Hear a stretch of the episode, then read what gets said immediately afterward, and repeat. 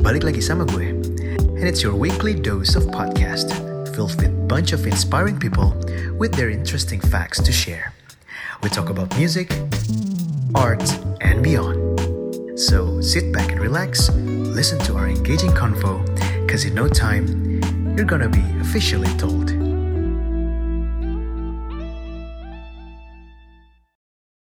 Halo, Dan Dimas. Halo, Apa kabar nih? Baik. Ini kita sore-sore di depan rumah Ya, Sebenarnya gue ngomong gak usah gini-gini banget Nggak ya. harus, nggak harus. Iya, iya, Itu malah nanti jadi ke kupingnya pendengar kayak anjir dibisikin nih gue. Masa sih? Nah. ASMR gitu deh. SMR. Jadi beda ya. Yoi. Jadi hari ini kebetulan gue uh, punya kesempatan nih buat uh, ngajakin ngobrol-ngobrol salah satu vlogger terkenal di Indonesia. Cie. Amin, gue aminin aja. Siapa lagi kalau bukan Dendi Mas? Halo. Jadi uh, kita coba ya kulik-kulik sedikit nih, maksudnya uh, di sela-sela kesibukannya berkonten ria, kira-kira jangan-jangan mungkin dia punya kesibukan lain loh, nggak ada yang tahu kan? Ada sih paling kayak tidur gitu. Main PUBG paling. Gue sempat sibuk banget tuh main PUBG. Asli gak bohong. Sempat sesibuk itu main PUBG. Tapi bener dong, PUBG itu emang emang bener-bener keeps you busy banget sih. Iya iya sampai kan? waktu gue di Australia waktu itu gue kayak sampai bener-bener sebelum tidur, sebelum makan siang semua main PUBG terus. Itu dia. Sampai bini gue sebel kan. Nah, Akhirnya bini gue gue ajak main PUBG. jadi akhirnya gak sebel. jadinya iya, jadi ngerti ya. jadi sebelum tidur kita main PUBG bareng. Itu trik yang Iya. i- ini banget nih. Ini podcastnya udah bagus banget, udah dapet sponsor ya mas ya? Oh bukan, bukan. Oh, ini beli sendiri ya? Ini beli sendiri ya? No, no, jadi, no. Ini- ini jadi kalau gitu, ya? ini masih gini minumnya ya? Biar kelihatan brandnya. Ya, ya, ya, ya, ya. Jadi gimana sih awalnya eh, Dan Dimas tuh memulai apa ya eh, kiprahnya di vlogging nih dan to be specific ya di motor and otomotif eh, hobbies Hmm. vlogging ya. Ah, kenapa ya? Awalnya sebenarnya sih, ini buat yang belum tahu, kita berdua sebenarnya pernah sekantor. Mhm. Mhm. Kita pernah sekantor dan waktu di kantor pun, ya lo tahu kan kalau gue emang suka bikin video. Eh, Garzian jadi talentnya, editor juga, Bu- nge-shoot juga sih. Maksud juga gue jadi kameramennya, mostly jadi kameramennya. Jadi emang sebenarnya gue bikin konten udah lama kan, udah Hmm. lama banget. Pertama kali gue bikin konten foto itu mungkin dari SD udah. Wow, oke. Gue SD kelas berapa ya? Dua atau kelas satu, dua kelas tiga gitu hadiahnya kamera film. Tugas sekolah. Enggak hadiah ulang tahun. Oh, oke. Dibeliinnya kamera Nikon pocket gitu pakai roll film. Mhm. Ya udah dari situ gue udah mulai ngerti motret apa apa apa ya semenjak dari situ itu. Ah, oke oke Gitu. oke oke. Jadi emang udah lama sih bikin konten.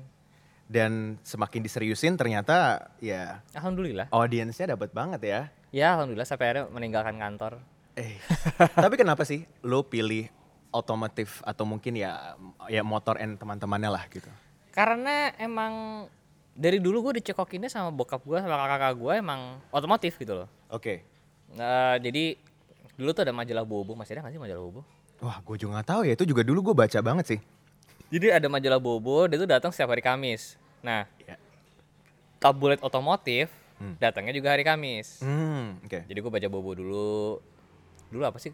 Apa sih karakter gajah pink itu? Eh, Bo- Bona. Bona. Bona ya. Bona gajah berbelalai belalai panjang. Nah itu, habis itu bacanya otomotif. Oke. Jadi gue update tuh dulu. Oke. Oh mot- ada motor baru ini ya, ada kendaraan baru ini ya, gitu. Lumayan paham gua. Jadi udah mulai merhatiin ya, even sejak ya itu tadi ya masa anak-anak itu gitu. Mm Mas anak gue udah mulai paham banget. Gue juga SD udah bisa naik motor. Oke. Udah dibeli motor kecil gitu deh sama bokap Iya gua. iya iya iya iya. iya. motor. I see. I Jadi emang see. udah dicekokin dari kecil. Dan kalau nggak salah, awalnya lo membuat konten vlog itu, em, kayaknya gue inget sih, Hmm. pertama kali lo pernah kayak nge-shoot gitu ya, nge-capture, lo lagi eh, driving di SCBD tunnel gitu ya. Mm, mm. Jadi sebenarnya itu waktu lagi kerja tuh. Bukan lagi kerja, itu waktu lagi masa-masa ngantor tuh, gue Oh. Iya. ingat tuh. Pulang kerja nggak tuh? Nggak. Lupa gue mungkin sempat juga pas lagi pulang kerja. I mean gue tuh dari dulu udah ada GoPro di rumah. Oke. kan dan bikin konten di motor tuh sebenarnya gampang karena lo cuma tinggal nyeplokin GoPro ke helm kan. Jadi gue sempat waktu ngantor tuh emang pulang kantor gitu. Coba ah ngerekam ngerekam tapi uploadnya cuma di pad, Mhm. uploadnya di dulu masih Instagram tapi bukan yang sekarang Yes. gitu. Jadi emang dari dulu udah sempet bikin ya kayak tadi kom bikin konten Ya. di motor gitu loh. Terus mulai dari situ akhirnya gue pikir kayak ah sebenarnya oh jadi gini gue tuh sempat nggak sengaja ketemu video motovlogger Mhm. dari Australia, Ah, oke. dari Melbourne lebih spesifik, Siapa tuh? Right, eh, Right with Tom namanya. Oke. Nah dari situ gue berpikir kayak gara-gara dia anak Melbourne gue nontonin terus kan. Hmm, oke. Terus akhirnya gue tahu oh ini tuh namanya motovlog gitu. Terus gue cari-cari oh cara bikinnya gampang ternyata. Jamin gue udah bisa ngedit juga kan. Ya. Dan motovlog simple. Mhm. Alat-alat mostly udah ada. Mhm. Jadi sebenarnya cuma tinggal eksekusi aja kan. Exactly. Ya udah akhirnya itu coba deh video pertama Vespa waktu itu. Ya boleh lah. Akhirnya setelah itu mulai gue tekunin, gue tekunin, gue tekunin. Sampai sekarang deh jadinya. I see. Nah, apakah tadi si uh, blogger dari um, Melbourne itu adalah salah satu inspirasi lo? Atau mungkin lo punya some- Sebenarnya sih iya. Jadi eh, dulu tuh motovlogger yang paling sering gue tonton salah satunya dia. Oke. Karena emang anak Melbourne kan. Ya. Dan dulu gue pernah kuliah di Melbourne, jadi gue kayak semacam reminiscing lah kayak, oh gue tahu nih jalannya, gue tahu nih gitu. Hmm, ya ya ya ya. Terus ada juga vlogger dari Rus dari Inggris gitu. Oke. Eh, yang sebenarnya simpel banget tapi ya basically kayak gitu. Oke. Jadi ya ada beberapa lah yang menginspirasi terus eh, akhirnya mulai mencoba sendiri. Gitu. Oke. So basically sebenarnya uh, konten ataupun mungkin uh, ide-idenya gitu ya Hmm. dari episode ke episode itu ya ngalir gitu aja gitu ya. Kalau bagi lo sendiri gimana tuh? Sebenarnya sih kalau dibilang ngalir, ngalir ya sempat lah beberapa kali ngalir ngalir. Cuman sempat juga sih sempat stuck kayak, aduh gue bahas apa lagi gitu. Hmm. Cuma sebenarnya setelah gue pikir-pikir sebenarnya pasti selalu ada yang bisa dibahas. Mhm. Tinggal seberapa dalam kita mau ngulik aja gitu. Oke. Karena terkadang nih konten tuh sebenarnya yang kita lakukan setiap hari. Ya. Oh by the way ini maaf ya suara ponakan-ponakan gue di belakang. Soalnya lagi hari keluarga nih sebenarnya nih. Sus agak susah nyari waktu sama bapak yang satu ini soalnya. nah eh, kayak sebenarnya itu sesuatu yang kita lakukan tiap hari ya. Mhm. Ternyata tuh bisa jadi konten. Oke. Tanpa tanpa kita sadari sebenarnya itu bervalue buat orang lain. Ah, Seperti contoh, gua nih kalau misalkan motret megang kamera gitu ya. Hmm. Ya udah gua naturally aja kams. Oh gua tahu nih ISO-nya segini, aperture segini, bla bla bla tak. hmm, Menurut gua tuh hal biasa. mhm. Tapi buat orang lain di luar sana itu menjadi sesuatu yang tidak biasa dan sebenarnya mau mereka tonton. Yep. Kayak buka ganti busi gitu. Oke. Itu hal yang simple. Ganti oli gitu hal yang simple. Mhm. Tapi karena kita ngelakuin biasa jadi kita kayak apa sih? Itu hal biasa gitu. Kita mikir kayak emang orang lain nggak bisa ya gitu. Biasanya gitu kan. Iya. Tapi ya emang orang lain belum tentu bisa gitu. Makanya kita bikin video sebagai kayak tutorial. Yep. Jadi sebenarnya tinggal kita gimana mau nguliknya aja sih. Dan mengemasnya juga ya. Nah, ah, package is eh apa is king tapi kok package is apa gitu. Mhm. Apa sih peribahasanya? Gua nggak tahu dah. Iya. So anyway memang packaging is is uh, one thing that matters the most juga gitu untuk Betul. untuk hal konten Hmm, ya Kayak gue pernah bikin konten sama bini gue tentang cara ganti oli. Oke. Sebenarnya sih gue bisa bikin ganti oli, gue bisa ganti oli gitu. Cuman waktu itu gue search-search kayak ganti oli cewek belum pernah nih. Ah, iya iya iya iya. Dengan segala kebodohan kita berdua ganti oli gitu. Sampai sekarang view-nya banyak malah ternyata. Cuman cuma ganti oli loh. Yap, yap. Tapi, You know, kan? Iya, tinggal, iya. tinggal ngemasnya aja Exactly. kan. Walaupun Gitu. sebenarnya mungkin ide utamanya simple, tapi kalau mungkin eksekusi dan cara kita nge-explore-nya itu bisa bikin orang tertarik buat nonton, ya, ya itu dia formulanya ya nggak sih? Mm-mm. Oke. ya itu yang emang ya itu mesti banyak belajar mesti banyak Yes. main Oke. biar kayak oh ternyata bisa ya dikemasnya gini Mhm, gitu mhm. bisa ya dikemasnya seperti ini gitu Iya. ya makanya gua kalau ngabisin waktu ya terkadang nonton YouTube Ah, oke. karena terkadang ya nemu lah misalkan oh bener juga nih kayak si ini tuh angle kameranya bisa dari sini ya Mhm, mhm. gitu. hal gitu kan Yep, referensi. referensi gitu. semakin banyak referensi kan semakin ini juga True, ya. gitu Oke. Dan episode lo selama ini nih ya, ya kalau bisa dibilang ada satu nih yang viewsnya tuh paling gede gitu. hmm Itu kalau nggak salah si yang camper van di New Zealand trip ya. ya ya ya ya itu ya. gimana sih? Ada cerita menarik gak sih di baliknya? cerita menariknya adalah sebenarnya gue tidak ngeplan bukan gue tidak ngeplan ya jadi kan itu gue lagi trip ke, ke New Zealand Iya. bokap nyokap sama istri gue Ya. gue itu sebenarnya lebih fokus bikin konten travelingnya Oh, Oke. yang gue beneran niat ya lo tau lah gue suka kamera Mhm. gue tuh ke New Zealand bawa tiga kamera empat kamera kali Mhm. hiking gue bawa tuh kamera-kamera gue Oke. bikin gue bikin sebagus mungkin yang gue bisa dan sebagainya sorry untuk bikin konten traveling Mhm. jadilah dua konten traveling Nah, pas hari-hari terakhir gue pakai camper van, gue akhirnya kepikiran, ah coba ah gue bikin satu tentang camper van nih. Karena mobilnya jarang di Indonesia Yes, kan. Betul. Ya udahlah, gak gue planning untuk bikin konten camper van. Gue cuma bikin pas lagi parkir, Iya. yaudah gue bikin deh. Dar, dar, dar, dar, dar. Jadi bikinnya cuma paling sejam dua jam. Oke. Sedangkan konten traveling gue, gue bikin selama lima hari. Exactly. Ngedit tiga hari itu. Karena gue sebenarnya niat, ya kan gue bener niat, oh gue cari lagu gitu. Orang mikir, ngedit tuh cepet ah. Nggak juga kalau cari lagunya, itu bisa lama kalau gue. Ya iya benar benar. Nyari moodnya kan, nyari Yes, mood lagu. cocok-cocokan. Jadilah tiga konten dari New Zealand. Dua traveling, satu camper van. Oke. Yang traveling susah-susah bikin, view-nya paling cuma 100 ribuan. Konten camper van yang bikinnya cuma dua jam di parkiran ya kan. Aha, 2 juta view sekarang katanya. Exactly.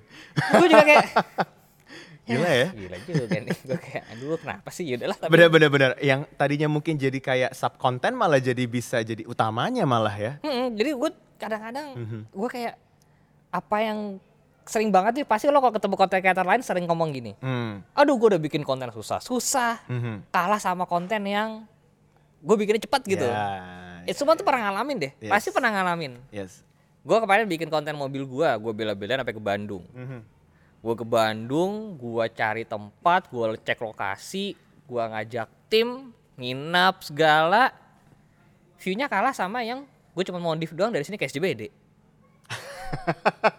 secara view ya, Iya, secara iya, iya, walaupun iya. secara jumlah likes kebanyakan yang itu. Oke. Cuma secara views ya Oke. gitu. Jadi ya cuman kalau misalkan emang ngejar views doang kalau gue sih kebetulan masih kepengen ada orang ngeliat edit value-nya ya gitu. Apakah Iya. sinematiknya bagus atau gimana nya gitu sih. Mhm. Tetap jadi kayak ada esensi yang di, yang bisa lo kasih ya, yang lo bisa lo present ke ini kan, maksudnya Mhm. nggak harus sebenarnya kayak yang penting viral or whatever gitu kan. Betul, ha-ha, betul. Mak- Makanya kalau lo lihat konten gue tuh sebenarnya jarang ada gimmick. Mhm. Iya iya. Karena jujur gue gak jago bikin gimmick. Beda Oke. sama teman-teman gue tuh ada yang Oke. jago bikin gimmick Iya, gitu iya, kayak Iya iya. dia tuh bisa tuh teman gue tuh si Om Om Obi kalau tahu Oke, Om Obi. oke. Gue tuh respect sama dia. Oke. Karena dia jago banget bikin gimmick. Dan sehari tuh bisa bikin dua konten, tiga konten. Oh. Secara ini tuh kayak wah gila nih orang satu. Dan tuh ngedit cepat banget. Mhm. Hari ini ngedit, eh, hari ini take, besok bisa tayang gitu. Wah. Secara mungkin kalau secara sinematik Mhm. ya mungkin emang gue mungkin lebih serius ya. Oke. Tapi secara keuletan gitu, mungkin dia juga lebih ulet jadinya kan. Tapi dan dia emang jago bikin gimmick.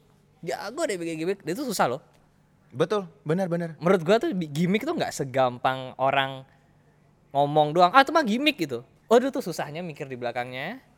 Karena itu another idea juga sih yang harus bisa lo kemas gitu loh. Itu kan ke- itu kan bagaimana lo mengemas kan. Betul. Makanya tadi packaging juga betul penting kan. Betul. Dan itu tadi gua tuh gua masih belajar itu sih bikin gimmick. Karena sekarang kayaknya eh, istilahnya kayak kalau nggak ada gimmick itu kayak nggak ada bumbu gitu ya, agak-agak hambar juga. Tapi nggak juga sih. Selama esensi tadi konten ya kayak misalnya video-video yang lo biasa bikin, tetap sih orang akan tahu value yang mau lo kasih itu apa. Betul ya. gitu. Tinggal kita gimana eh, gimana kita pengen dikenalnya aja sih sebenarnya. Gue juga punya teman Mhm. eh, ada youtuber lain, dia nggak pernah bikin gimmick, Yes. tapi view-nya gede-gede terus gitu. Iya. Jadi ada aja sih sebenarnya. Selalu ada lah eh, caranya gitu loh. Iya, Hmm. benar-benar.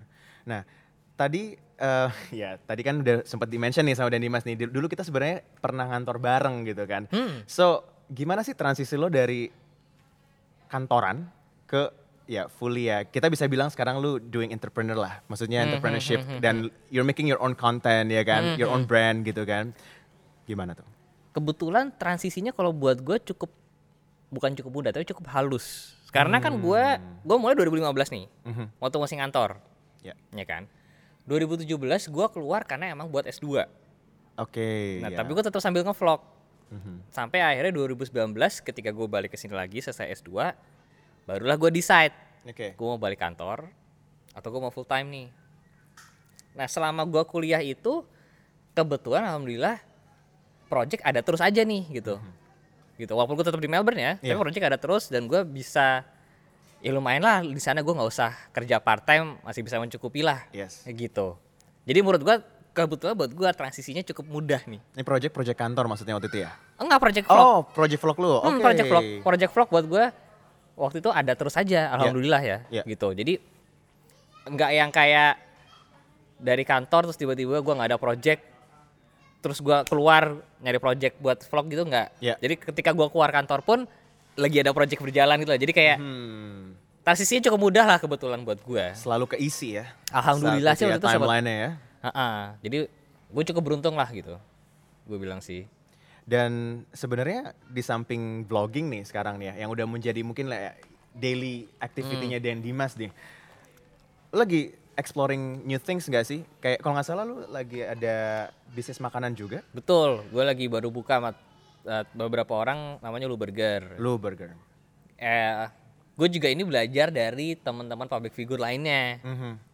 kebetulan ber- mereka juga pasti selalu punya bisnis on the side Oke. gitu jadi gua kayak ya kayak gue juga harus bisa deh kayak gitu gitu dan teman-teman youtuber gue konten kreator lain pun juga pasti selalu ada bisnis on the side gitu Iya. seminimal minimalnya pasti kon- eh, bisnisnya merchandise Oke, ya, ya, seminimal minimalnya itu ya. gua kebetulan bikin merchandise tapi gue jarang banget gue baru mau coba serius sekarang Mhm. gitu kebetulan waktu itu teman-teman gua ketika baru mulai langsung bikin merchandise Merchandise. Cuman kan waktu itu gua tidak merasa sebutuh itu karena kebetulan ngantor, Mhm. ya kan. Jadi kayak ngerasanya kayak masih ada yang bisa menutupin lah gitu loh, masih ada income lagi kan. Exactly. Cuma sekarang itu gua lagi coba bisnis F&B, eh, kebetulan juga ngelola eh, villa, Oh, oke. eh ada villa keluarga terus kita kelola, terus ada ya itu mau coba bikin aparel. Apparel. Oke. Nah, jadi kalau merchandise kan yang selalu berhubungan dengan gua, Yes. ya kan. Kalau aparel agak lebih umum. Oke. Jadi yang nggak perlu tahu gua pun gua targetnya ke situ gitu. Yes, ya, Kalau merchandise kan targetnya viewers gua. Benar, benar. Kalau aparel tuh targetnya lebih luas lagi. Iya, punya target market sendiri juga Ah, harusnya. Mhm. pengennya sih coba ke arah. Ini lagi develop sih. Gitu. Dengan beberapa hal yang sedang lo manage sekarang ini gitu ya, eh, how do you see yourself as an entrepreneur gitu? Maksudnya em, puas nggak sih? Atau malah Hmm. kayak oh ternyata struggling juga ya? Atau gimana gimana? Menurut gua sih serunya beda. Oke, challenge-nya beda. Eh, tinggal kita gimana sukanya. Pasti biasanya orang selalu bandingin kan entrepreneur sama kantoran. ya. Entrepreneur kantoran, entrepreneur kantoran, entrepreneur kantoran. Kebetulan kita berdua pernah dua-duanya. Dua-duanya. Iya kan? Benar, Kita benar. pernah dua-duanya. Dan menurut gua masing-masing ada challenge-nya. Oke, Ya. Di kantor challenge-nya ya lo kejar deadline, lo mencapai KPI lo yes. dan sebagainya. You follow rules. Ya ada semuanya. Tapi kebetulan alhamdulillah gajinya fix bulanan. Mhm. Di dunia entrepreneur challenge sama aja gitu. Ya lu bikin konten tuh juga mikir loh gitu loh. Betul. Apa nih gue konten apa lagi nih gitu yang mesti gue bikin gitu. Eh jualannya gimana nih ke sponsor, ya kan? Cari sponsornya gimana Ya, gitu. Ya. Dan kalau di entrepreneur tuh kalau lo nggak mau gerak, lo nggak makan Betul. gitu. Jadi gua kayak ya itu sih selalu yang gue share ke orang-orang. Lo tuh kalau jadi entrepreneur, lo nggak gerak, ya lo nggak makan gitu. Jadi lo emang harus punya skill jualan. Walaupun dalam artian lo bukan jualan kayak jualan di warung gitu ya. Iya, Tapi lo punya aset apa itu yang lo jual benar. gitu. Se seada se alhamdulillah gue sekarang subscriber sekarang 500 ribuan gitu ya. Tapi gue tetap nggak bisa cuma tinggal nunggu sponsor tawaran gitu nggak bisa. Gue harus tetap gimana caranya nih gue nawarin apa lagi ya, gue cari apa lagi ya gitu. Gue bisa kerja sama sama mana lagi ya. Jadi challenge-nya sih ada sih dan menurut gue lebih seru lah. Lebih seru kali ya. Lebih seru. Lebih seru tapi ya tadi tuh pokoknya kalau lo nggak gerak ya lo nggak makan. Karena ya you're being your own driver gitu loh. Betul. Kayak ya nggak ada yang nyuruh lo anyway, ya gak sih? Gak ada yang nyuruh gue. Nggak ada yang merintah lo. gitu. Kebetulan sih kalau buat gue sekarang yang nyuruh ada istri ya. itu beda lagi itu loh. itu beda lagi. Coba deh itu kebetulan ada gitu. Tapi ketika lo lajang dan sebagainya ya nggak ada yang nyuruh lo kan. yes. Yes. Nggak ada yang ini tinggal lo seberapa eh apa ya tinggal seberapa patuhnya diri lo sama apa yang mau lo kejar gitu. Makanya gue tuh kalau ngeliat teman gue contoh Gofar. Lo tau. Gofar? Iya. Gue respect juga sama dia karena dia tuh beneran pekerja keras. Oke. Pagi dia siaran. Siang itu kadang-kadang dia masih bikin konten atau ngisi MC. Hmm. malam kadang-kadang bikin konten lagi. Belum lagi ntar weekend keluar kota gitu. Jadi gue tuh terkadang kayak gila nih orang tuh ulet banget ya gitu. Iya. pekerja keras banget ya. Dan itu susah loh. Iya. bisa semau pekerja keras itu tuh menurut gue susah. Ya. gitu. Karena pasti orang kayak aduh gue mau ah weekend di rumah atau apa apa gitu. Tapi untuk mau bekerja keras itu susah. Gitu dan itu masih jadi gue masih harus belajar banyak sih sejujurnya Yap, yap, yap. Eh, ya itu juga sih mungkin yang gue lumayan banyak dengar dari teman-teman gue yang being entrepreneur juga gitu ya. Sering-sering ngisi diri lah, ya kan? Belajar dari banyak orang, ya kan? Taking reference, Mm-mm. ya kan? Dan maksudnya eh, apa pun itu tuh harus setiap hari tuh ditambah terus sih Eh, wawasan lah segala macamnya.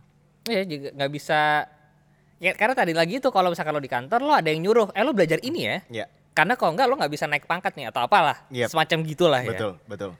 kalau di dunia entrepreneur ya nggak ada yang nyuruh kayak gitu Yes, tinggal lo nya sendiri aja exactly. dan itu yang memang susah Betul. susah itu jujur itu susah tidak semudah itu Eh, menurut lo seorang entrepreneur tuh emang harus punya mindset juga gak sih ke arah sana? iya menurut gue iya Oke. menurut gue memang ada mindset entrepreneur tadi tuh Oke. entah itu kerja keras atau bisa melihat kesempatan dalam kesempitan Ah, bisa selalu bisa melihat opportunity opportunis di- ya, harus opportunis. Nah, kalau buat orang mungkin kayak, anjir lo oportunis banget sih Eh, gitu. eh. Kok lu cuan mulu sih yang dipikirin gitu. Iya, Iya kan, iya. materialistis banget sih. ya kalau gitu nggak makan bos. Bener banget loh. ketika dulu kerja kayak, anjing nyarak oportunis banget sih gitu. Mm, mm. Tapi ketika gua masuk di dunia entrepreneur, ya emang lo harus gitu. Yep. Dan terbukti teman-teman gua beberapa yang oportunis apa aja diduitin istilah Yes, sama dia, Yes, yes. ya lebih cepat berkembang Ya. gitu loh. Karena opportunity opportunity juga nggak nggak datang dua kali loh. Ya kan? Itu udah udah jadi pepatah banget itu. Mm-mm. Jadi kayak emang ya tadi itulah kayak apa mindset entrepreneur tuh ada dan ya bisa dilatih sih harusnya. Iya. Bisa dilatih sih. Jadi kalau misalkan ada yang ber- berpikir kayak aduh gue mau jadi entrepreneur tapi gua nggak ada sejarah entrepreneur di keluarga gua gitu kayak gua gitu. Ya. Itu bisa dilatih kok. Itu bisa dilatih. Selama mau belajar sih. Selama mau belajar dan ngelakuin ya. Exactly. Jangan cuma belajar habis itu tidur. itu yang salah. Ya itu nanti hasilnya beda sih ah, guys. makanya. Ah. Nah, orang-orang biasanya nih apalagi misalnya ya penonton-penontonnya Den Dimas nih taunya kan Den Dimas tuh oke, begini nih. Itu tadi lah ya. udah diceritain sedikit banyak kan tentang eh, konten-kontennya seperti Hmm. apa aja gitu kan. Tapi kalian tahu nggak sih mungkin ada loh fakta menarik dari seorang Den Dimas Ini nih. memalukan ya? Oh, memalukan ya? Cukup memalukan ini. Apaan tuh? Ini aja gue gak pernah share nih sama bini gue kayaknya Karena gue saking malunya Kayaknya gue waktu SD tuh pernah Ngompol di kelas deh. Seorang Den Dimas pernah ngompol di Gua kelas loh lupa ya. guys. Ini jangan sampai ada teman SD gue nonton kayak anjing jadi dulu yang pipis lo ya gitu Cuman ya gue pernah sih seinget gue Dan itu gue malu banget Kenapa ya gue begitu ya It's human lah ya. Kayaknya gara-gara masih kecil kali ya Terus iya kayak masih kecil "Aduh, juga takut gitu ah, kan. buru ah gitu Takut ya, gue apa sekolah kan kalau mau pipis harus izin kan Nah, Jadi kayak mungkin gue kayak aduh takut ah takut tapi udah gak tahan juga zaman sekolah tuh kita punya drama-drama tersendiri loh. Iya, apalagi waktu SD kan. Nah. Banyak hal nggak penting sebenarnya kan. Gimana ya Bener, begitulah. bener, bener banget. Itu salah satu fakta yang baru gua keluarkan sekarang. Ternyata ya. Menarik. So it means like ya sebenarnya um, mungkin gini nih banyak juga yang kayak ah dia kan bisa uh, berhasil karena begini begini begini. Tapi gua pribadi sih sebenarnya percaya ya. Ya kita is just you, we're just human being gitu loh. Maksudnya dan kita juga punya masing-masing capability, Hmm. punya skill masing-masing juga dan yang penting kemauan sih. Iya nggak sih? Iya betul betul. Gue juga pernah share ini sih di vlog gue bahwa sebenarnya apa yang kalian lihat di sosial media itu nggak 100% kehidupan orang tersebut. Benar. Karena pasti ada yang tidak di-share. Pasti. Gua share kayak ah gue beli motor ah gitu. Gue beli parts ini ah. Ya dong. Tapi gue nggak bakal share strugglingnya gue di belakang cari duit untuk beli mot- parts-parts itu kan. Nah, itu dia. Jadi Benar. terkadang uh, orang tuh terlalu melihat kayak wah ini orang kayak perfect banget gitu. Tapi sebenarnya juga pasti ada sih di belakang yang dia tidak perlihatkan lah gitu sisi human, sisi manusianya gitu loh yang dia ada Benar. konflik sama apa, konflik sama siapa, konflik apa tuh pasti ada Iya. gitu. Dan gue kemarin sih mencoba share itu ke beberapa ke viewers gue lah gitu. Mhm. Ya jadi ya waktu itu gue pernah bikin konten apa ya tentang oh hedon. Oke, Jadi kenapa kalau di motor tuh ada istilahnya modif hedon. Oke, oke. Modif head on. modif yang se pakai modif ya tapi pakai parts-partsnya harus mahal deh Iya, gitu. iya. Gua sih bukannya against gitu, cuman tuh cuman takut akhirnya anak-anak muda gitu yang masih labil lah ya Yeah, kayak yeah. berpikir kayak oh berarti gua harus modif tuh harus mahal kalau enggak gua akan dikucilkan itu yang gua takutkan itu yang gua Ah, takutkan Oke oke oke. makanya kemarin gua mencoba bikin konten kayak enggak lo nggak usah kayak gitu lo true to yourself aja gitu Karena mungkin peer pressure atau social standard even di komunitas hobiis ya, itu juga bisa jadi sesuatu yang Hah. negatif sih ya kalau gua- nggak di. Iya, gue gua nggak mau mungkiri lah. I mean eh, di sosial media sekarang lo ngeliat orang, you know, eh, on the extreme case ya kan naik private jet dan Ya, sebagainya. Ya ya. Iya, terus lo berpikir anjing kalau gua nggak gini jangan-jangan ntar gua nggak dianggap lah atau apa dan sebagainya gitu-gitu kan. Itu kan on the extreme case Yes. ya. Ya. Tapi mungkin kalau on normal case kayak misalkan anjing kalau gua handphone bukan iPhone lah atau gua bukan eh, motor gua bukan yang motor mahal atau apa tadi dikucilkan dan sebagainya gitu. Nah, itu yang sebenarnya kemarin makanya gua mencoba meng- sebisa gua lah mengubah mindset orang lo nggak usah kayak gitu nggak apa-apa kok Ya. be yourself aja gitu loh. Bangga aja sama motor apa yang lo ada Iya. gitu loh. Makanya kemarin gue contoh gue beli Vespa Hmm. punya om gue. Oke. Vespa biasa sebenarnya dan harganya pun nggak mahal. Cuman gue menceritakan Vespa ini tuh ada ceritanya loh buat gue Iya. gitu. Dan itu yang pengen gue share ke mereka kayak coba deh kalian menghargai motor kalian juga jangan dari nilainya, Ya. tapi dari ceritanya. Dengan begitu akhirnya mereka hopefully akan lebih percaya diri menggunakan motornya dan Benar. mereka lebih punya self esteem lah Right. itu sih gue pengen coba gue share ya ya targetnya sih hopefully begitu tahu deh kesampaian apa enggak Ya, kesampaian kita lihat aja sih. kita lihat aja Biasanya comments yang akhirnya bergulir dari satu konten itu ya sedikit banyak mereflect outcome-nya seperti apa ya. moga-moga lah walaupun kemarin ada yang akhirnya DM gue Oke. bang terima kasih ya atas konten Vespa lo gitu Ah. akhirnya gue di rumah juga ada motor peninggalan almarhum bokap Iya. selama ini nggak pernah mau gue rawat karena ya udah bobrok ya karena udah di udah di gudang lah atau apa gimana Iya. tapi semenjak gue nonton vlog lo gue sekarang mau ngerawat ah motornya gitu mau gue rapiin lagi gue rawat gitu Nah, Oh. itu yang kayak gitu tuh yang pengen gue kejar. Message-nya dapat. ya alhamdulillah message itu message-nya dapat dan itu menurut gue salah satu reward yang kayak puas di guanya exactly. gitu walaupun view-nya mungkin kayak nggak segede kayak perven Mhm. tapi gue bisa ketemu satu orang yang akhirnya bisa dapet ceritanya dan terinspirasi itu gue seneng banget It gets personal ya. itu yang gue seneng Jadi kayak bisa mempengaruhi eh, seseorang gitu loh. Hmm. In a good way. ini gue tuh ya alhamdulillah itu yang gue seneng seneng banget gue Wow. So, what's next nih dari Den Dimas nih? what's next ya semoga semakin bisa lebih berkarya lebih baik lah ya Eh, lebih banyak bisnis juga? amin Amin. semakin banyak cuan amin Amin. cuan is life cuan is life semua dicuanin. Ya ya ya ya pokoknya semoga bisa berkarya lebih baik lah. Berkarya itu bisa konten Yes. bisa cuan ya kan? Berarti Apa tungguin aja? nih eh, gebrakan-gebrakan atau kejutan terbaru nih dari Den Dimas. Tungguin aja amin ya kan. amin Pantengin terus amin, channelnya ya. amin amin amin. Amin amin amin. Do you have any last words atau mungkin ada some pesan-pesan gitu buat teman-teman? pesan apa ya? Pesan ya, mungkin tadi udah ada beberapa sih kayak ya tadi kayak kita be yourself aja nggak usah tertekan de- dengan sosial media dan sebagainya. Terus belajar juga gitu loh. Entrepreneur tuh mindsetnya mungkin emang nggak semua orang langsung dapat tapi bisa dipelajarin gitu aja sih paling. Yang jelas just be yourself lah gitu. Just be yourself. Itu banyak yang eh, mungkin berkata demikian, tapi itu Ya, benar ya, loh ya. guys. Itu benar. That's why kenapa itu banyak banget yang percaya. hmm gue kebetulan sudah sudah merasakan impactnya Oke. gitu just be yourself nggak usah mikirin orang lain nggak usah membandingkan kita Nah, dengan iya. orang lain Setuju. itu membuat hidup kita jauh lebih tenang percaya deh percaya deh itu udah Iya. itu salah satu message gue yang selalu gue sampaikan ke orang juga udah nggak usah banding bandingin deh di luar sama orang lain stres ntar yang ada Setuju banget. Thank you banget loh. Sama-sama. Thank you banget. Ini obrolannya ternyata ya sih. eh, mudah-mudahan mungkin kalian bisa melihat sisi lain dari Den Dimas nih ya. Yang of course kita lagi nggak ngomongin motor nih di sini. Nggak, kita ngomongin motor. Tapi jujur gue sendiri juga banyak belajar sih dari Wah. obrolan kita yang cuman sebenarnya singkat banget sih. Terima kasih loh terima kasih sudah mau mampir sudah mau jauh-jauh ke rumah Seru banget, seru dengan banget rumahnya. kopinya yang satu bukan sponsor jadi maaf tidak bisa kita promosikan jadi kita So, minum yang gini kita tunggu eh, karya-karya terbaru dari Den Dimas. amin Dan eh, sampai ketemu di lain kesempatan ya. siap terima kasih Thank you banget. thank you